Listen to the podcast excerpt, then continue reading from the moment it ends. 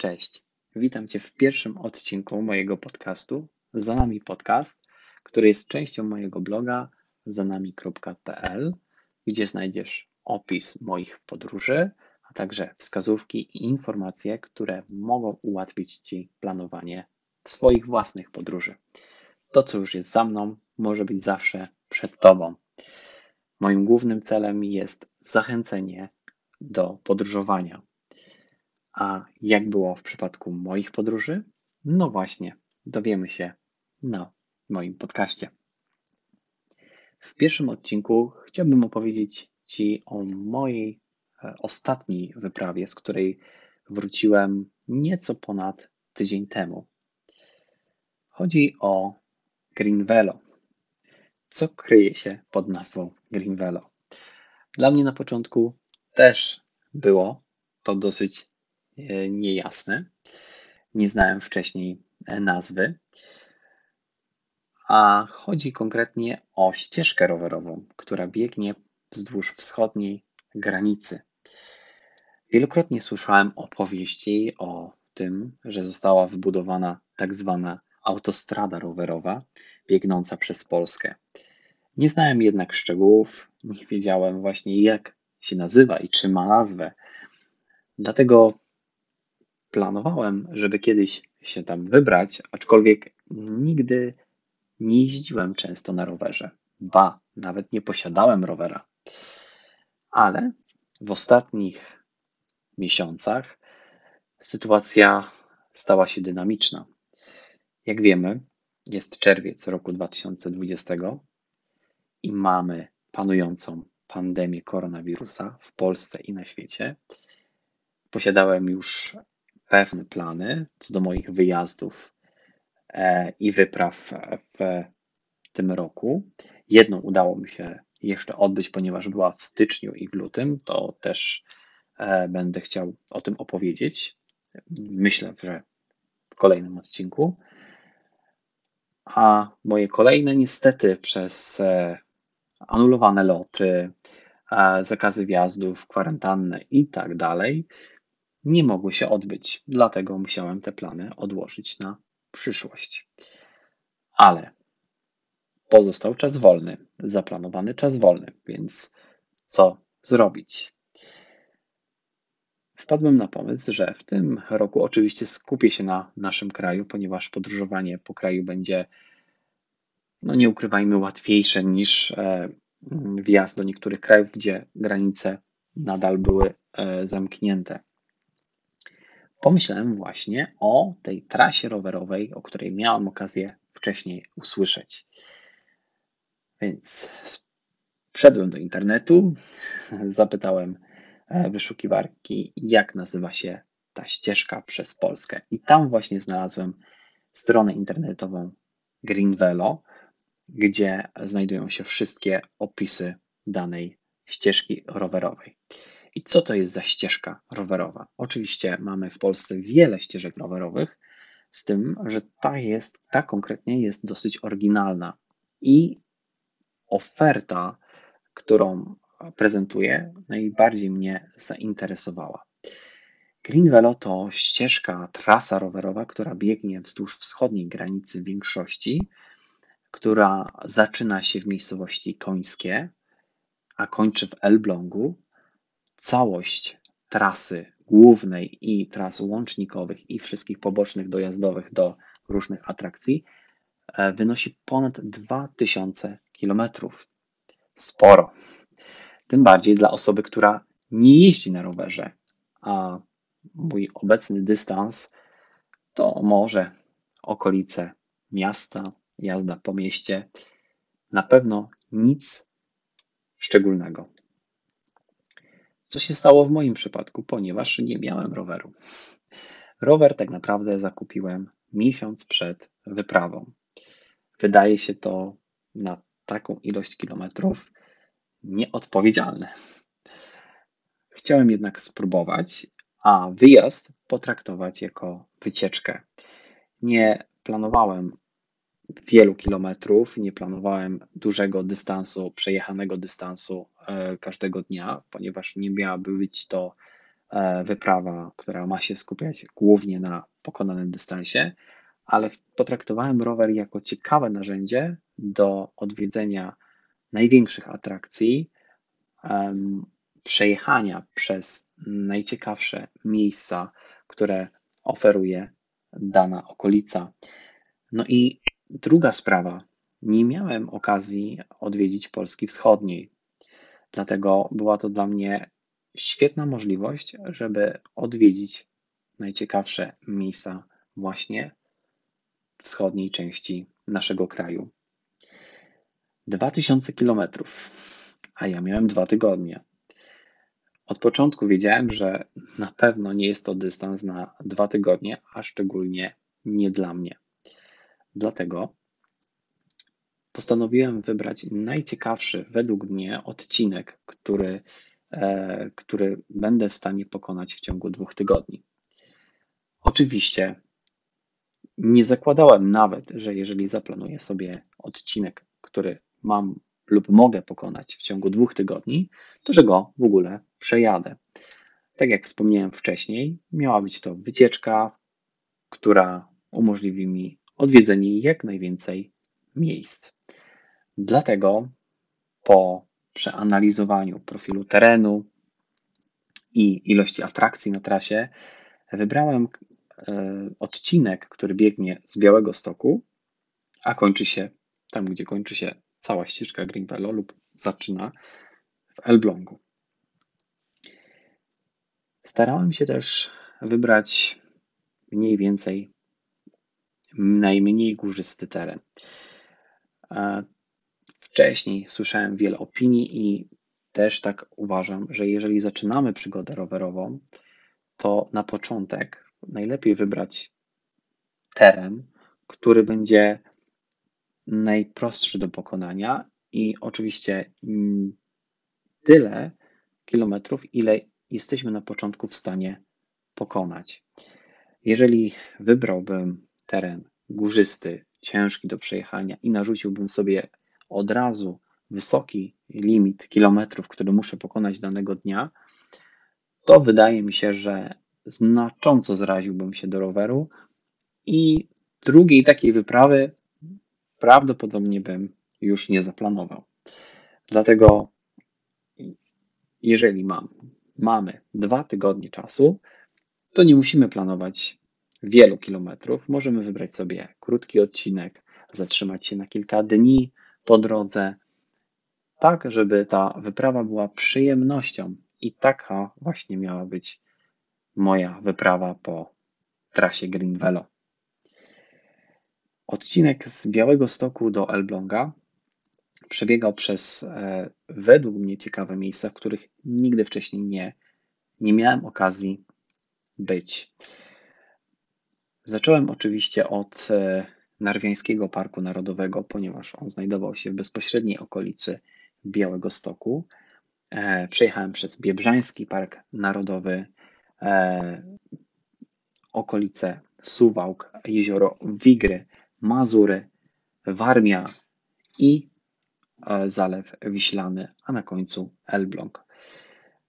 Wiele atrakcji, wiele ciekawych miejsc, o których się wcześniej słyszało i bardzo chciałem je zobaczyć. No tak, ale rower kupiłem miesiąc wcześniej. Czy będę w stanie przejechać taki dystans? Nie wiem. I nawet nie zakładałem, że go przejadę. W pierwszej kolejności, e, kiedy otrzymałem rower, postarałem się zrobić sobie kilka, może dwie, trzy wycieczki dookoła mojej miejscowości, tak żeby móc wczuć się w jazdę rowerem, poznać mój nowy rower, mój nowy nabytek i e, przygotować się taki drobny trening przed tą wyprawą. Na początku mogę powiedzieć, że polecam ten sposób wypoczynku. Jest to świetny wypoczynek przez zmęczenie.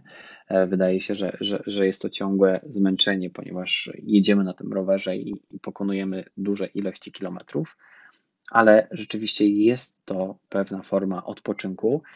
E, opisuję swoją wyprawę jako totalnie osoba początkująca i nie miałem wcześniej do czynienia z jazdą na rowerze, nie wybierałem się wcześniej na podobne wyprawy rowerowe i nie miałem, nie miałem okazji poznać, z czym to się je.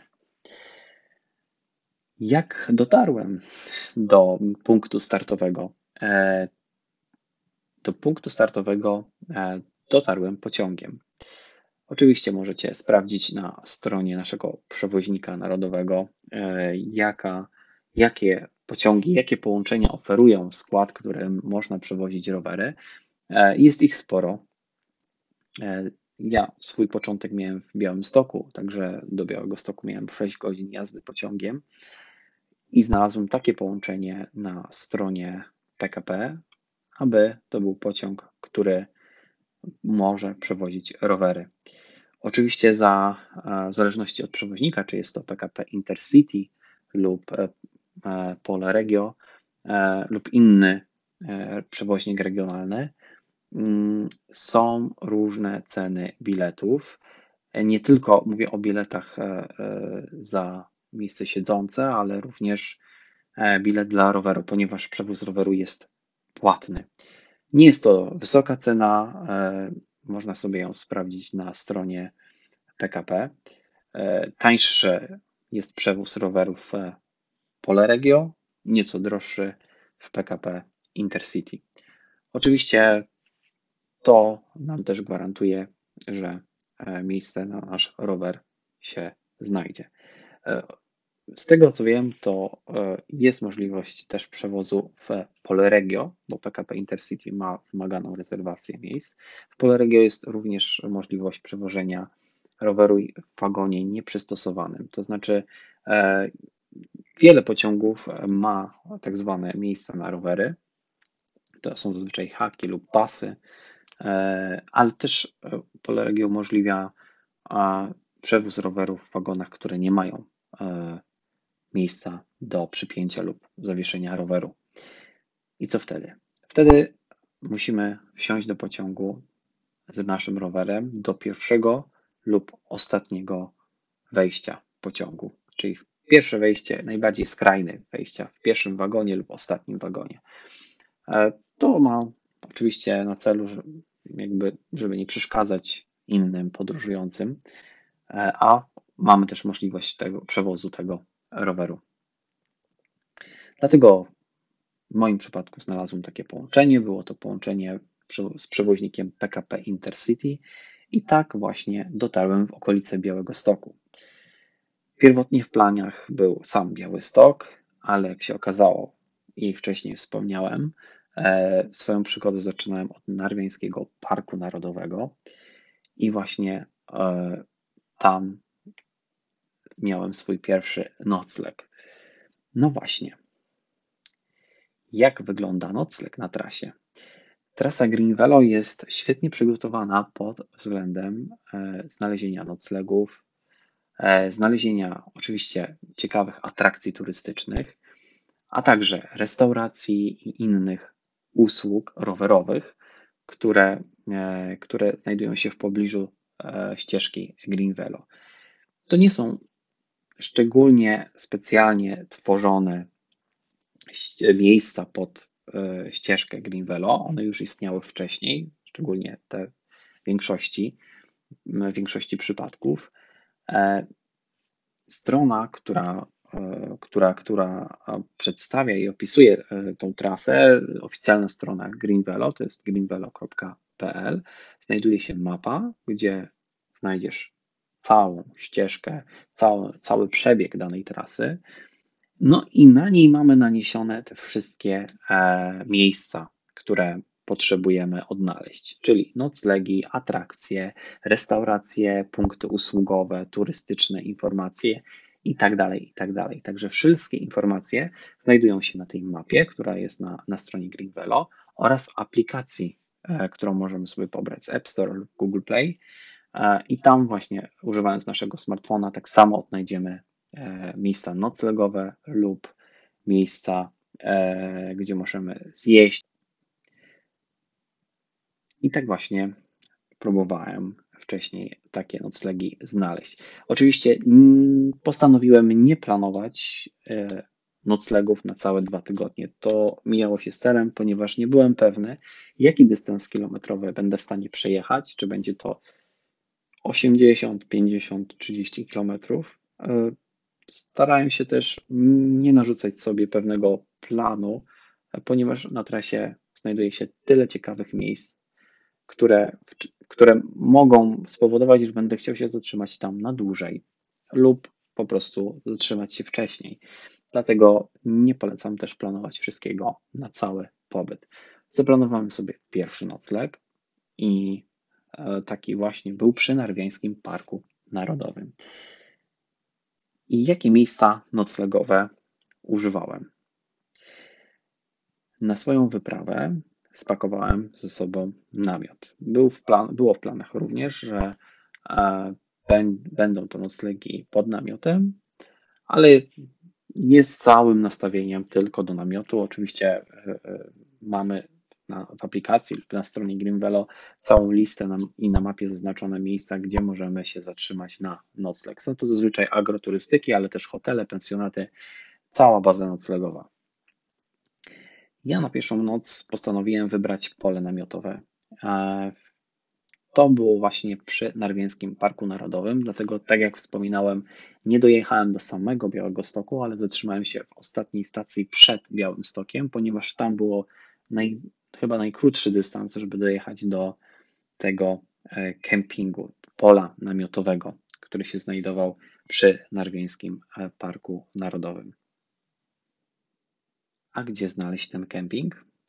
Lub mówiąc dokładnie, pole biwakowe. Jest to w miejscowości Kurowo, e, które znajduje się bezpośrednio przy Parku Narodowym, czyli miejscowość Kurowo przed Białym Stokiem, gdzie znajduje się to pole biwakowe. Można śmiało wpisać tą nazwę do map Google i tam odnajdziecie tą lokalizację. I jak wyglądało to pole biwakowe? Rzeczywiście jest to miejsce gdzie przy samym Parku Narodowym. E, możliwość rozbicia namiotu, jak również e, można e, tam wjechać z kamperem z przyczepą kempingową, to, to nie jest problem. No, niesamowita lokalizacja. Znajduje się w samym Parku Narodowym, dlatego mamy praktycznie jest to w samym środku Narwiańskiego Parku Narodowego. E, fajnie, że istnieje też możliwość zakupu e, miejsca noclegowego przed przyjazdem online. Wystarczy wejść na stronę Narwiańskiego Parku Narodowego, tam odnaleźć e, pole biwakowe w Kurowie i można już wcześniej taki, tak, tak, taką opłatę za rozbicie namiotu uiścić. E, po dokonaniu zapłaty i potwierdzeniu rezerwacji otrzymujemy kod QR, który możemy wydrukować lub zapisać w swoim urządzeniu przenośnym i w przypadku kontroli taki, taki kod okazać. E, cena e, w naszym przypadku wynosiła w czerwcu 2020 roku 20 zł od osoby. I to była opłata tylko za osobę, nie było żadnych opłat za rozbicie namiotu. Nie wiem, jak wygląda sytuacja w przypadku przyczep kempingowych i kamperów, ponieważ takiego nie posiadaliśmy. Mieliśmy tylko rowery. Oczywiście za rowery też nie było żadnej opłaty. E, oczywiście opłatę za e, miejsce noclegowe możecie e, uiścić na miejscu. Nie musicie za to płacić online. Jeżeli przyjdziecie, tak jak było w moim przypadku, e, późnym wieczorem, gdzie e, kasa i możliwość zapłaty za miejsce na kempingu już nie jest możliwe, ponieważ jest zamknięte, możecie śmiało rozbić namiot, e, a rano przy wyjeździe zapłacić za nocleg. Same warunki na kempingu były dobre, jak na tą cenę. Na terenie znajdowały się sanitariaty, bodajże dwa prysznice, z czego jeden był nieczynny. E, toalety oczywiście, a na terenie samego kempingu były e, dwie takie większe altany zadaszone z ławkami i stolikami, gdzie można było sobie przygotować jedzenie, a w jednej była, było nawet miejsce na ognisko. Także przygotowanie na plus. Mm, w tych altanach oczywiście można było sobie zostawić rowery, jeżeli e, padał deszcz, można było je pod tym zadaszeniem sobie spokojnie e, zostawić na noc. Kemping jest tak naprawdę w samym sercu Narwieńskiego Parku Narodowego, dlatego polecam e, stać na wschód słońca. Mm, w naszym przypadku to była godzina czwarta rano, ale widoki wschód słońca jest niesamowity. Na samym polu namiotowym macie do dyspozycji wieżę widokową, e, Także możecie oczywiście się wybrać na kładki, które, które są bezpośrednio przylegają do e, pola namiotowego, jak również e, użyć tej tak zwanej drewnianej wieży widokowej, z której będziecie mieli widok na teren Narwiańskiego Parku Narodowego. Dlatego gorąco polecam właśnie wstać na wschód słońca, bo widoki są niesamowite. I tam właśnie zaczęliśmy swoją podróż. Oczywiście o wszystkich ciekawych punktach postaram się opowiedzieć w kolejnych odcinkach. Jeżeli będziecie mieli ochotę poznać więcej szczegółów na temat trasy Green Velo, e, którą przebyłem z Białego Stoku do Elbląga, nie ma problemu. Tutaj jest wiele szczegółów i wiele informacji, które mogą się Wam przydać. Ale ogólnie e, opisałem swój pierwszy nocleg, który to było pole namiotowe. E, kolejne były różne. Było to też pola namiotowe lub e, agroturystyka, hotele czy pensjonaty. Wszystkiego szukałem na trasie, to znaczy widząc ile już kilometrów przejechałem i na przykład stwierdziłem, że nie dam rady więcej. Zerkałem do aplikacji. Najpierw spro, sprawdzałem E, aplikację Greenvelo i tam y, szukałem miejsca noclegowego w okolicy lub miejscu, do którego chciałem dojechać i poprzez telefon dokonywałem rezerwacji. Oczywiście nie trzeba się ograniczać tylko do aplikacji Greenvelo.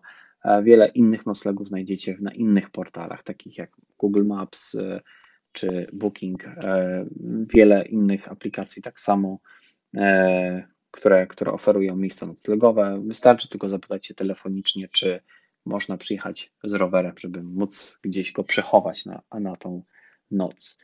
Na miejscu spotykało się wielu rowerzystów już w czerwcu, także e, jest to normalne na trasie, że osoby są, e, nocują ze swoim rowerem, także jak najbardziej nie powinno to być problemu. I takiego problemu też z znalezieniem noclegu nie było. Zazwyczaj jak już e, coś znaleźliśmy i przedzwoniliśmy na miejsce, to nie było problemów. Ceny były różne. E, jeżeli chodzi o pola namiotowe, praktycznie we wszystkich, których byliśmy, cena była taka sama, czyli 20 zł za osobę, jeżeli, się mówi, jeżeli mówimy oczywiście o namiocie. E, nie wiem, jak ceny wyglądają w przypadku, jeżeli wjeżdżamy na pole biwakowe kamperem ale to nie mowa o tym, ponieważ omawiamy ścieżkę rowerową. Ale oczywiście y, można, można też się wybrać kamperem z własnymi rowerami i zwiedzać okolice, ponieważ Green Velo nie jest tylko przeznaczone do przejechania całej trasy. On oferuje też różne trasy dookoła e, danych lokalizacji, czy dookoła jeziora, dookoła parku itd., tak itd. Tak Także można też to połączyć z krótkim weekendem, E, jednodniowym wyjazdem.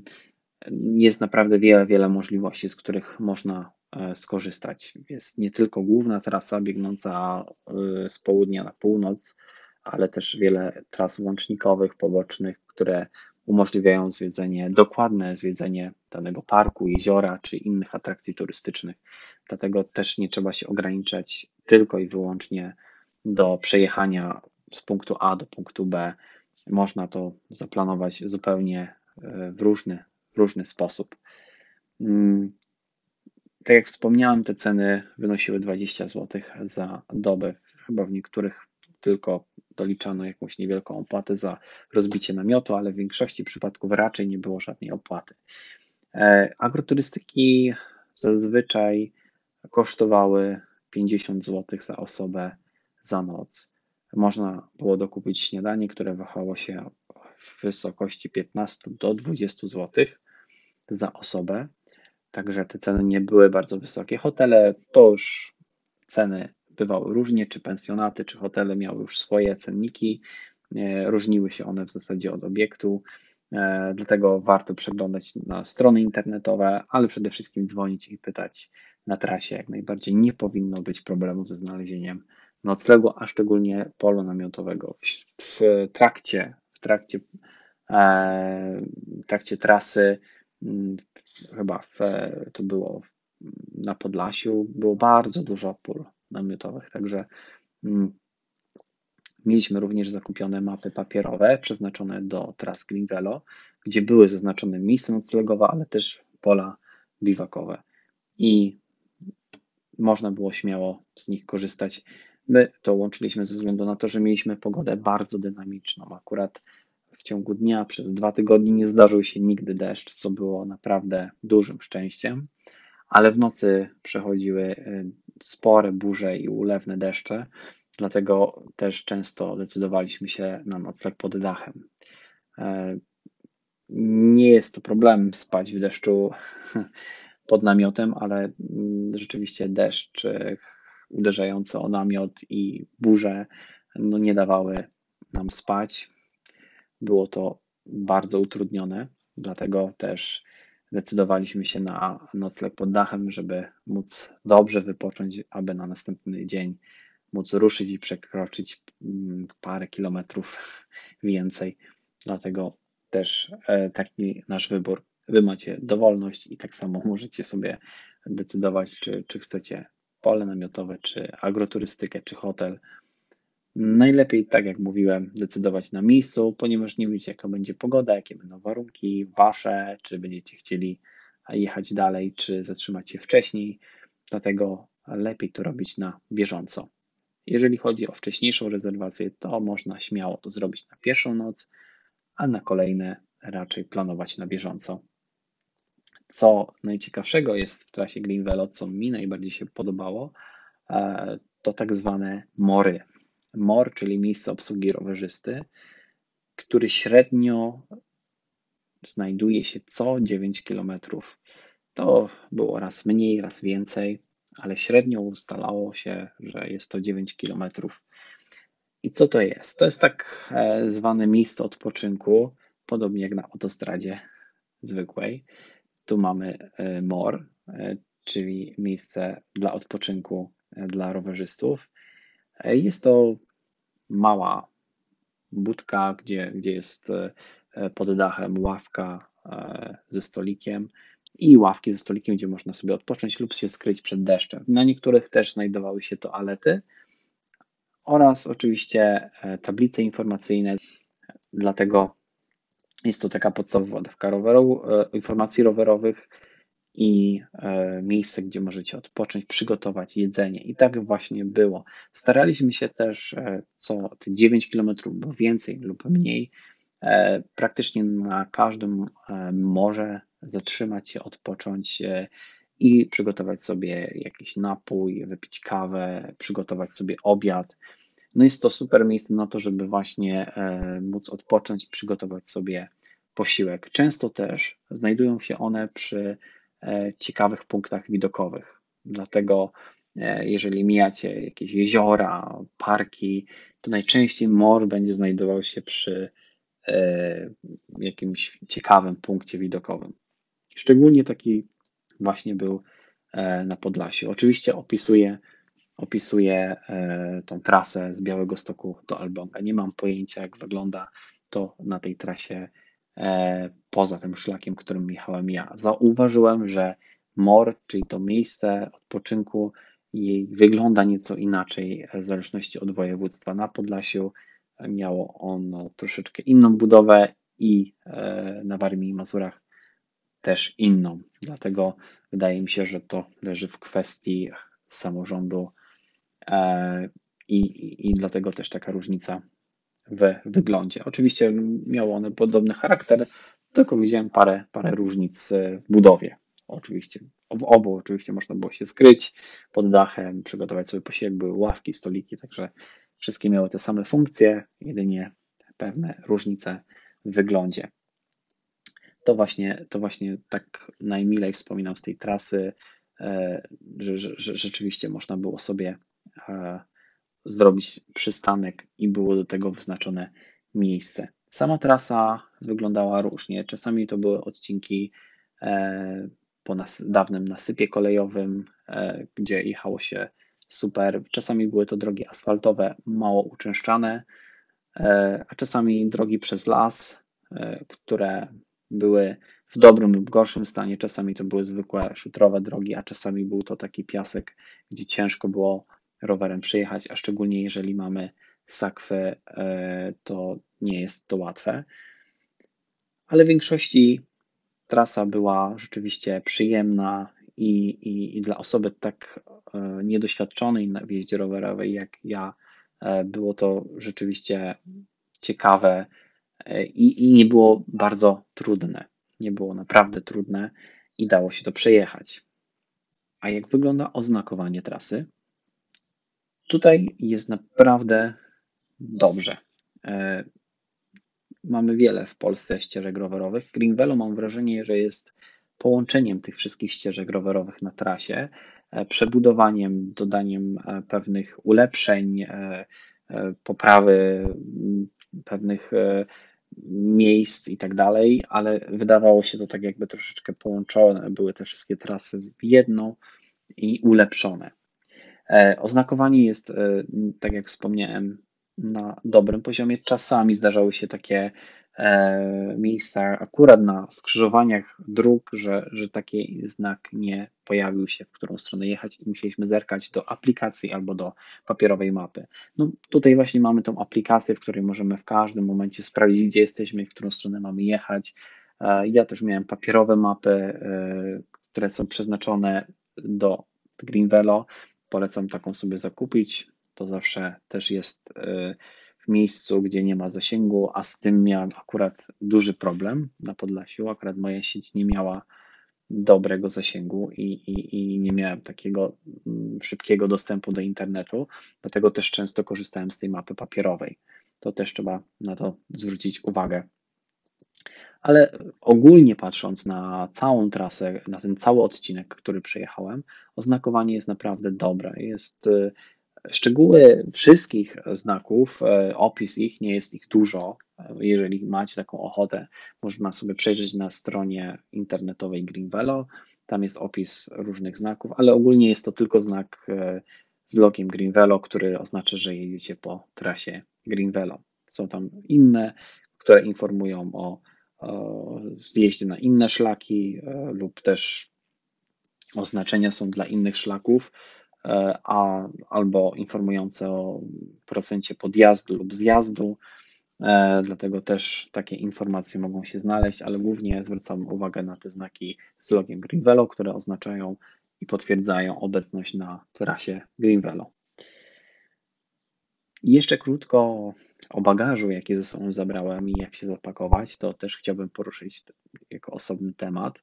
Tutaj bardziej ogólnie przedstawiam całą wyprawę. Oczywiście przed wyjazdem dokupiłem dwie sakwy, większe sakwy, które umożliwiły mi zapakowanie ubrań i rzeczy kempingowych, e, które śpiwora oczywiście i namiotu, które umożliwi mi, umożliwi mi e, spanie pod namiotem. No i e, starałem się, żeby to nie było też bardzo ciężkie, ponieważ wiedziałem, że każdy kilogram też jest cenny, jeżeli planujemy e, taką wyprawę, a szczególnie jeżeli miała być to moja pierwsza, to nie chciałem, żeby, żeby ciężar mnie przeraził. Spakowałem się i tak wydaje mi się za dużo, ale nie było, nie było to jakoś wielkim utrudnieniem. Te tereny e, nie były tak mocno górzyste, nie były ciężkie do przejechania, dlatego wydaje mi się, że, że nie było to e, aż tak wielkim uciążeniem. E, więc nie, niektórzy mieli sakwy z przodu i więcej innych. Jeżeli jedzie się na dłużej, to owszem, można lub na dłuższą trasę, to jak najbardziej. Mi wystarczyły dwie większe sakwy z tyłu I jeszcze parę rzeczy miałem na bagażniku związane z tyłu, spięte sznurkami, także, także też to mm, tak e, udało się zapakować i spokojnie na dwa tygodnie wystarczyło.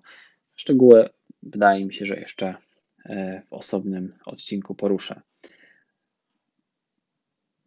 Czy warto było wybrać się na taką trasę? Oczywiście, że warto. Jest to ciekawy pomysł e, na wyjazd w, akurat teraz, kiedy mamy problemy z podróżowaniem za granicę, e, istnieją pewne ograniczenia związane z epidemią. Tutaj rzeczywiście czułem się bardzo bezpiecznie. Jestem cały czas tak naprawdę sam z naturą. E, nie jestem w dużych skupiskach ludzkich, a tak naprawdę E, na Podlasiu i, i, i w tych okolicach, w których, w których byłem, naprawdę czuję się taką obecność natury. Te odległości między wioskami są dosyć duże i tak naprawdę nie ma dużego skupiska ludzi. Można naprawdę odpocząć, naładować akumulatory i wydaje się, że jest to zmęczenie, ponieważ jedziemy rowerem, ale tak naprawdę jest to duży odpoczynek wspaniałe miejsca. E, bardzo mile wspominam Narwieński Park Narodowy, Biebrzański Park Narodowy, e, te dźwięki związane e, z tym miejscem, ten zapach niesamowite i warte zobaczenia, tym bardziej, że nie jest jeszcze to teren tak bardzo odwiedzany w dużych ilościach przez turystów, jak inne miejsca w Polsce. E, już nie mówię o samych parkach, ponieważ poza nimi e, przejazdem przez te zwykłe okolice, które nie miały żadnego statusu, a oferowały tak samo piękne widoki, i to właśnie jest duża zaleta jazdy na rowerze, były tak naprawdę często bezludne. Wielkie tereny, które, które nie były zamieszkane, ale te odległości między miejscowościami były naprawdę duże, a odległości między domami też nie były e, małe. To były domy w jednej miejscowości potrafiły też być od siebie oddalone. Dlatego też wspominam e, mile Suwalszczyznę, aczkolwiek nie spodziewałem się, tam troszeczkę zaskoczyły mnie wzgórza, które, które e, mijaliśmy i tam było troszkę ciężej, ale wynagradzało to, to piękne krajobrazy i miejsca, które spotkaliśmy po drodze e, bociany, inne zwierzęta. To niesamowite doznanie i, i naprawdę będę polecał. Całość trasy wynosiła 700, ponad 700 kilometrów. Tam czasami po drodze zmienialiśmy trasę, bo oczywiście jedziemy po Grivelo, w większości w 90% jechaliśmy po Grivelo, a czasami chcieliśmy jeszcze zjechać w inne miejsca i troszeczkę zmienialiśmy to na bieżąco. Rzeczywiście wszystko się działo na bieżąco, kiedy zaglądaliśmy na mapę. E, podporządkowaliśmy to pod dzień, pod pogodę oczywiście też. E, do tego e, zdarzały się też miejsca, że troszeczkę z trasy z, odbijaliśmy i taka też jest możliwość. Samo Greenvelo oferuje trasy poboczne i łącznikowe, także też można z nich korzystać. To wszystko znajdziecie na mapach na stronie internetowej Greenvelo, na w aplikacji Greenvelo, a także na mapach papierowych, które są wydawane na trasę Greenvelo. Ścieżka ta powstała kilka lat temu e, z Funduszy Europejskiej na rozwój Polski Wschodniej, e, więc jest to kilkuletnia trasa rowerowa. E, jakość tych miejsc wypoczynkowych samej trasy jest na bardzo dobrym poziomie. W niektórych miejscach mory, w których w tych miejscach wypoczynkowych e, dla rowerzystów były nieco zniszczone. No jest to wina niestety ludzi i tego, co, co, co, co robią i jak się zachowują, i, i czasami po prostu były zdewastowane, ale naprawdę większość, zdecydowana większość jest na wysokim poziomie i jest to fajny pomysł na wycieczkę dla osób, które dopiero zaczynają swoją przygodę z rowerem. Ja taki byłem. przed e, wyjazdem na Green Velo przejechałem dwa lub trzy razy na rowerze z dystansem 40-50 km i nie było to dużo, a na wyprawie Green Velo średnio udawało się pokonać dystans 70 km. Czasami był on mniejszy, ze względu na to, że były małe odległości pomiędzy atrakcjami e, na trasie. I dlatego postanowiłem się zatrzymać w danym miejscu, żeby móc go zwiedzić, zobaczyć i robiłem mniejszy dystans. I o to właśnie w tym chodzi, żeby nie narzucać sobie dużego dystansu, żeby nie narzucać sobie mm, określonego trybu, prędkości, e, e, szybkiego przejazdu i tak dalej. Nie, traktować to jako wyścig, ale przyjemność. I e, pomogła mi ta, to, to, to przekonanie, ponieważ nawet planowałem, że zakończę go wcześniej. Na początku w ogóle nie, nie, nie, nie spodziewałem się, że przyjadę 700 kilometrów. Spodziewałem się, że dobrze, jest to cel końcowy, ale pewnie gdzieś po drodze zrezygnuję, wsiądę do pociągu i pojadę z powrotem albo dalsze miejsce, e, ponieważ nie, nie dam rady. A okazało się na miejscu, że było tak ciekawie i tak fajnie, że przejechałem cały dystans.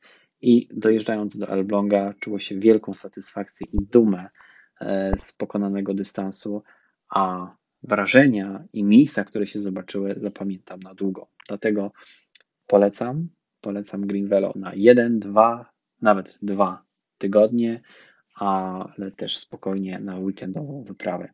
I takie szczegóły odnośnie mojej trasy podam w kolejnych odcinkach. Opiszę też miejsca, które zobaczyliśmy i co warto zobaczyć na trasie Green Velo, ale oczywiście jeżeli macie pytania i chcecie dowiedzieć się konkretnych rzeczy, piszcie na maila info zanami.pl. Bardzo chętnie poznam Wasze opinie i e, poruszę tematy, które zaproponujecie, jeżeli macie ochotę dowiedzieć się więcej o ścieżce Greenvelo. Na tę chwilę dziękuję za uwagę. Mam nadzieję, że mój pierwszy odcinek Wam się podobał. Zapraszam do następnych odcinków. Pozdrawiam. Cześć.